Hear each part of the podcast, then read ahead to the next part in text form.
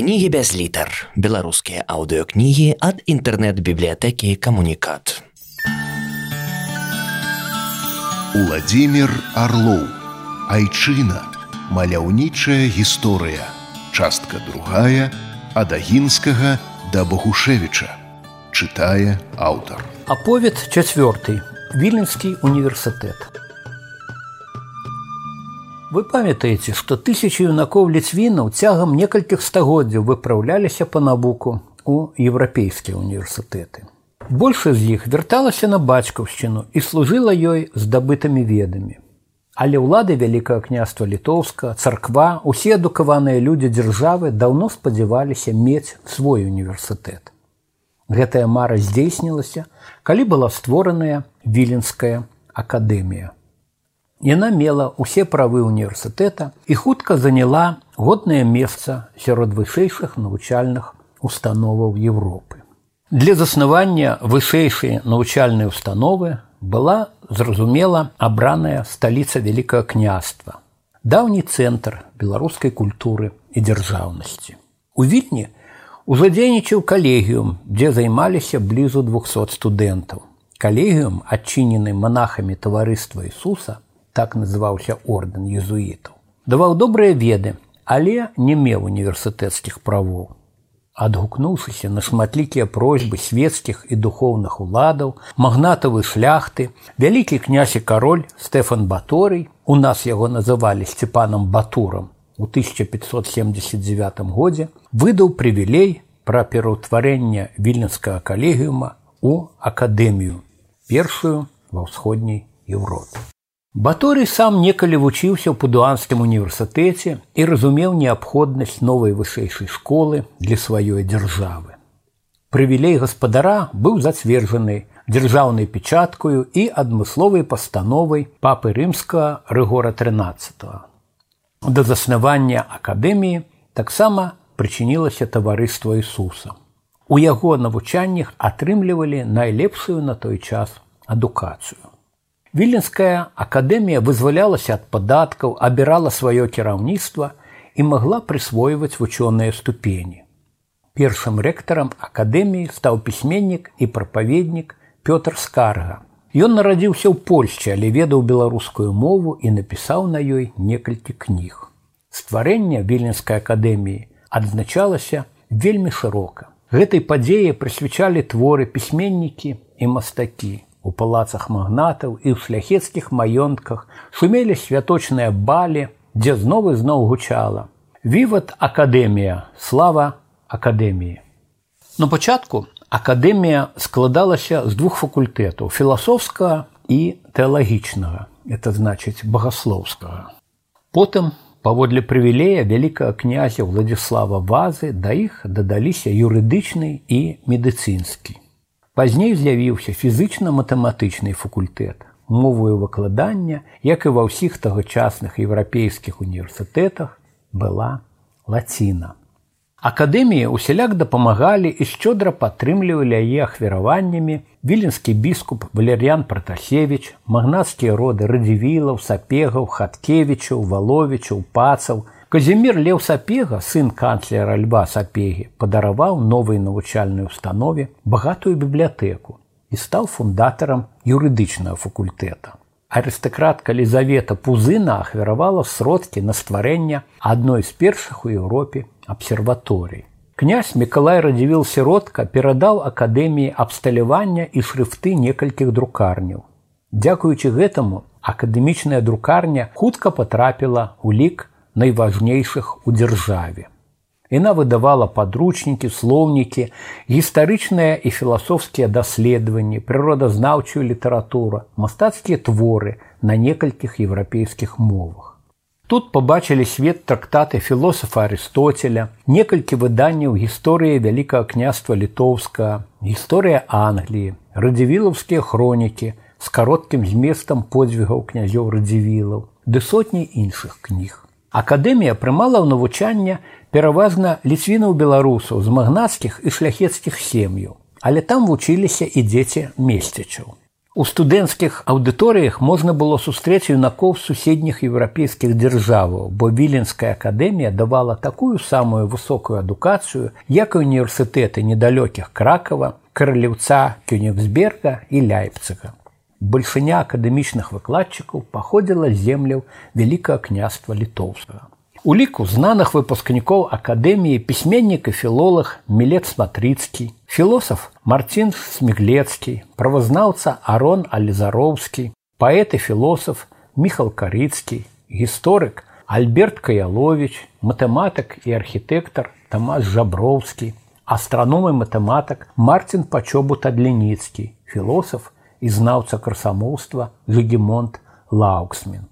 У першай частцы кнігі Айчына вычулі апавяданні пра аўтара неўміручай песні пра зубра міколу гусоўскага, інжынера-вынаходніка Казіміра Семяновича, педагога, асветніка і пісьменніка семёна полацкага. Яны пачыналі шлях да славы ў віленскай акадэміі. Многія з яе выхаванцаў заставаліся выкладаць там і прымнажалі славу галоўнай навучальнай установы княства. Сярод іх пісьменнік, філосаф, і літаратуразнаўца Мацей Казімір Сарбеўскі, пра якога мы пагаворым больш падрабязна. Калі прафесор Сарбеўскі падымаўся на сваю катедру, студэнты захоплена перашэптваліся. Яны ведалі, што вершы Мацей Казімір піша з 10 гадоў. У юнацтве ён выкладаў у полацкім калегіуме, потым вучыўся на тэалагічным факультэце віленскай акадэміі. Адтуль ён адзін з самых лепшых выпускнікоў быў пасланы дасканаліць веды ў Рым.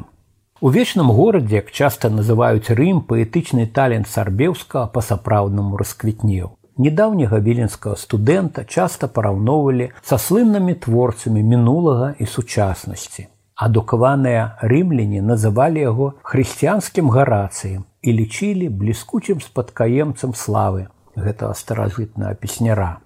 Мацей Казімір пісаў на лаціне і лічыўся найвыдатнейшым лацінамоўным паэтам тагачаснай Еўропы. Папа рымскі Урбан восьмы укаранаваў яго лаўровым вянком на капіталійскім узгорку, дзе здаўна ганаравалі самых таленавітых творцаў. Мацей Казімір заслужыў такую ўзнагароду першым са славянаў дасягненні хрысціянскага гарацыя адзначылі і залатым ланцугом з папскім партрэтам. Перад паэтам і вучоным з вільні адкрывалася паспяховая і заможная будучыня ў вечным горадзе. Аднак сарбеўскі адгукнуўся на покліч сэрца, якое імкнулася на радзіму. Па дарозе дадому Мацея некалькі разоў абрабавалі і збілі разбойнікі. Ён неаднойчы рызыкаваў жыццём, каб зноў апынуцца ў вільні і выкладаць у роднай акадэміі. Прафесор Сарбеўскі чытаў лекцыі па філасофіі, тэалогіі, літаратуразнаўству. Яго кнігі высока цэніліся ва ўсёй Еўропе. Не пакідаў ён і паэтычнай творчасці. Творы Мацея Казіміра выходзілі апрача вільні у цёльні, антверпені, Рме, самым дарагім Сарбеўскі лічыў выданне пралюстраванае праслаўленым мастаком пітером паулем рубенсом апрача літаратурна сарбеўскі меў і музычны талент. Цудоўна спяваў і граў на клавесіне і арфе. Мацей казімир смела для таго часу лічыў то паэзія стварае свой свет які існуе побач з тым што народжанай божай волей ён верыў велізарныя магчымасці чалавечай асобы і свае лекцыі часта пачынаў мудрымі словамі. Чалавек сімвал свету, бо ўтрымлівае ў сабе дасканаласць усяго існага. Кнігі сарбеўска, калі ягоны зямны шлях завяршыўся, больш за 50 разоў перавыдаваліся ў парыжы, варшаве, львове, дрэздане, страсбургу, лос-анджелесе. З першай часткі айчыны вы змаглі даведацца пра першае ў свеце міністэрства народнай асветы, адукацыйную камісію рэчы паспалітай. Іна адчыняла новыя школы навучальні, удасканальвала ранейшыя. Пад кіраўніцтва камісіі перайшла і віленская акадэмія. Яе вызвалілі з-пад моцнага ўплыву каталіцкай царквы і назвалі галоўнай школай вялікага княства літоўскага. У яе ведомства перадалі усе навучальныя ўстановы дзяржавы. На змену лацінскай мове у былой акадэміі под уплывам палякаў і значна апалячанай літвінскай шляхты прыходзіла польская мова. Страшная вайна з рассеі 1654-1667 гадоў, калі Беларусь страціла палову насельніцтва, прывяла акадэмічнае навучанне ў занепад. Адукацыйная камісія паставіла перад галоўнай школай мэту вярнуць былы аўтарытэт акадэміі ды паспяхова спаборнічаць з універсітэтамі заходняй Еўропы. У галоўнай школе, што захавала універсітэцкія правы, з'явіліся новыя катедры і навучальныя дысцыпліны. Студэнты займаліся ў астранамічнай абсерваторыі. Катедру выяўленчае мастацтва ўзначаліў славуты мастак Францішак Смуглевич. На працу ў вільню запрашалі замежных знаўцаў розных навук. Паміж іх быў французскі батанік і медак Жан Эмануэль Жалібер, які да гэтага стварыў гарадзенскую медыцынскую акадэмію. Прыехаўшы разам з вучнямі ў вільню, прафесор Жалібер адчыніў у галоўнай школе княства медыцынскі факультэт, заклаў батанічны сад і аранжырею. Медыцынскі факультэт у вільні стаў заслужана лічыцца найлепшым такім факультэтам у рэчы паспалітай. Галоўная школа княства праіснавала ўсяго чвэрцьстагоддзя, але паспела падрыхтаваць немала вядомых вучоных. Доктарам медыцыны і філасофіі стаў Аўгюст Бекю, што плённа займаўся гігіенай. Хімік і біолог Андрей Снедэцкі адкрыў новы метал весці, цяпер ён называецца рутэніем і напісаў першай у рэчы паспалітай падручнік хіміі. З удзячнасцю згадваў сваіх выкладчыкаў гісторык Тодар Нарбут. Ён даследаваў курганы замкі, надрукаваў каштоўную беларускую хроніку быхаўца. Нязменным рэктарам галоўнай школы вялікага княства літоўска быў знанай у Еўропе астраном і матэматык Марцін Пачобут Адляніцкі.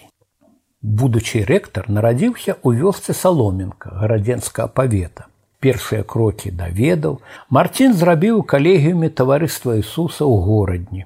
Юнак вызначаўся грунтоўным веданнем розных прадметаў, ад матэматыкі да лацінскай мовы, аднак ужо тады яго вабілі таямніцы бяздоннага зорнага неба. Калі астатнія шкаляры засыналі, Марцін сідаў пры вакне і мог доўгімі гадзінамі зачаравана сачыць за рухам месяца, знаходзіць знаёмыя сузор'і. У віленскай акадэміі пачобут адляніцкі сустрэў таленавітых выкладчыкаў астраноміі. Тут гэтая навука здаўна знаходзілася на высокім узроўні менавіта ў нашай акадэміі упершыню ва ўсходняй Еўропе ў сярэдзіне 17 стагоддзя адкрыта прызналі геліяцэнтрычную сістэму мікалая каперніка паводле якой земля і планеты круцяцца вакол сонца плённаму навучанню студэнтаў спрыяла і уласная абсерваторыя здольнага маладога астранома накіравалі паглыбляць веды ў прагу а затым у абсерваторыі неаполя марселя і авіньёна. Вярнуўшыся ў вільню, Марцін узначаліў акадэмічную катедру матэматыкі і астраноміі, а таксама стаў дырэктарам абсерваторыі і вырашыў ператварыць яе ва ўзорную. Часта студэнты назіралі планеты сонечнай сістэмы і далёкія зоркі якраз пад кіраўніцтвам самога дырэктара абсерваторыі. Прафесара Дляніцка цікавіў найперш месяц. Вывучэнне руху гэтага нябеснае цела дапамагло дакладна вызначыць шыранту і даўгату вільні, горадні іншых беларускіх гарадоў. Каб набыць для абсерваторыі найноўшае абсталяванне пачобут адляніцкі выправіўся Великабрытанію, Францыю і Галандыю. На працягу цэлага года ён знаёміўся з дзейнасцю парыжскай і грывенецкай абсерваторыі. Тым часам рэктар галоўнай школы княства ніколі не спыняў і назіранняў за нябеснымі свяціламі, не пропускаў ніводнага сонечнага ці месяцавага зацьмення. Ён склаў табліцы руху Меркурыя, адкрыў новае сузор'е, каралеўскі цялец панятоўскіх, названая так у гонар вялікага князя і караля Станіслава Аўгуста Панятоўскага. Разам з уласнымі даследаваннямі вучоны чула апекаваў маладых навукоўцаў. Ягоным вучнем быў сярод іншых сын ашмянскага суддзі Вінцэнт Карчеўскі, што выдаў працы астраномія і пра каметы. Марцін пачобут адляніцкі не стаяў у баку ад палітыкі. У 1794 годзе ён падтрымаў тадэуса касцюску і спрыяў Якубу Ясінскаму, кіраўніку паўстанцаў у вялікім княстве. Рэктар ахвяраваў змагарам вялікія грашовыя сродкі і ўвайшоў у найвышэйшую літоўскую раду, часовы ўрад літвы Беларусі. Дзейнасць вучонага была высока ацэненая ў роднай дзяржаве і ў Европе вялікі князь і кароль станіслав август загадаў выбіць медаль з партрэтам адляніцкага яго абралі сябрам лондонскага і варшавскага навуковых таварыстваў і сябрам корэспандэнтам французскай акадэміі навук. Імем пачобута адляніцка названы кратар на месяцы. Пасля захопу земляў вялікага княства расейцамі галоўная школа была пераменаваная ў імператарскі віленскі універсітэт Ён быў прызначаны найперш для моладзі з васьмі губерняў віленскай, віцебскай, гарадзенскай, магілёўскай, менскай, кіеўскай, валынскай і падольскай. Як і раней бальшыня студэнтаў і укладчыкаў паходзілі з беларускіх земляў, але мовай навучання заставалася польская. Нагадаем, што царская ўлада не прызнавала ні беларускі народ, ні нашу мову. Гэта умела выкарыстоўвалі ў сваіх інтарэсах палякі. Апекуном універсітэта стаў кіраўнік віленскай навучальнай акругі, набліжаны да цара паляк Адам Чартарыйскі. Ён імкнуўся адчыняць на землях літвы Беларусі польскія школы і выхоўваць моладзь у польскім духу. Студэнты універсітэта вучыліся на чатырох факультэтах: фізічна-матэматычным, медыцынскім, маральна-палітычным і філалагічна-мастацкім. Там выкладаліся 55 прадметаў. Вышэйшая школа мела батанічны сад, анатамічны музей, фізычную і хімічную лабараторыі, шпіталь. Амаль 60 тысяч кніг налічвала самая вялікая на абшары былога княства універсітэцкая бібліятэка. 1820 гады віленскі універсітэт стаў найбуйнейшым не толькі ў рассіі, але і ў Европе. Тут займалася 1300 юнакоў, што пераважала колькасць студэнтаў у славутам англійскім Оксфордзе. Прызначнасць віленскай вышэйшай навучальні казала, напрыклад, тое, што на пачатку 19 стагоддзя іна рыхтавала кожнага трэцяя лекара ўсёй расійскай імперіі. Ва ўніверсітэце працаваў астраном, матэматык і філосаф Ян Снядэцкі. 1812 годзе ён будучы рэктарам увайшоў у часовы ўрад адноўленага вялікага княства літоўскага снядэцкі некалькі разоў сустракаўся ў вільні з наполеонам і ўразіў таго розумам і ведамі ў розных галінах. Катэдры сельскай гаспадаркі кіраваў прафесор Міхал Ачапоўскі. Ён здзейсніў вандроўку па дзесяці еўрапейскіх краінах і паспяхова укараняў замежныя дасягненні аграрнай навукі на бацькаўшчыне запрошаны з вены доктар медыцыны Йоза Франк заклікаў калегавы студэнтаў лекаваць хваробы разам з завучэннем умоваў жыцця хворых. Дзякуючы яму у вільні пачалі рабіць прышчепкі ад воспы і дапамагаць бедным хворым жанчынам. У першай траціне 19 стагоддзя віленскі універсітэт з ягонымі даўнімі традыцыямі еўрапейскай адукацыі быў самай аўтарытэтнай вышэйшай школы імперіі адзін з прафесараў накіраваны ў вільню з каркаўскага універсітэта пісаў у дзённіку пра віленскіх калег. Побач з імі я адчуваў усю сваю нікчемнасць яны вылучаліся непахісную верою ў свае веды і таленты. Ім не цяжка было вытрымаць доўгую размову з міністрамі і з манархамі. Гэтую упэўненасць віленская прафесура набыла закончыўшы найзнакаміцейшыя замежныя універсітэты і часта вандруючы па Еўропе вольна валодаючы шматлікімі мовамі і сустракаючыся з найвялікшымі геніямі нашага часу. Універсітэт ператварыўся ў магутны агмень вальнадумства і супраціву каланізатарам. Тут узніклі патрыятычныя таемныя таварыствы. Іх удзельнікі хацелі служыць не імперыі, а свайму народу.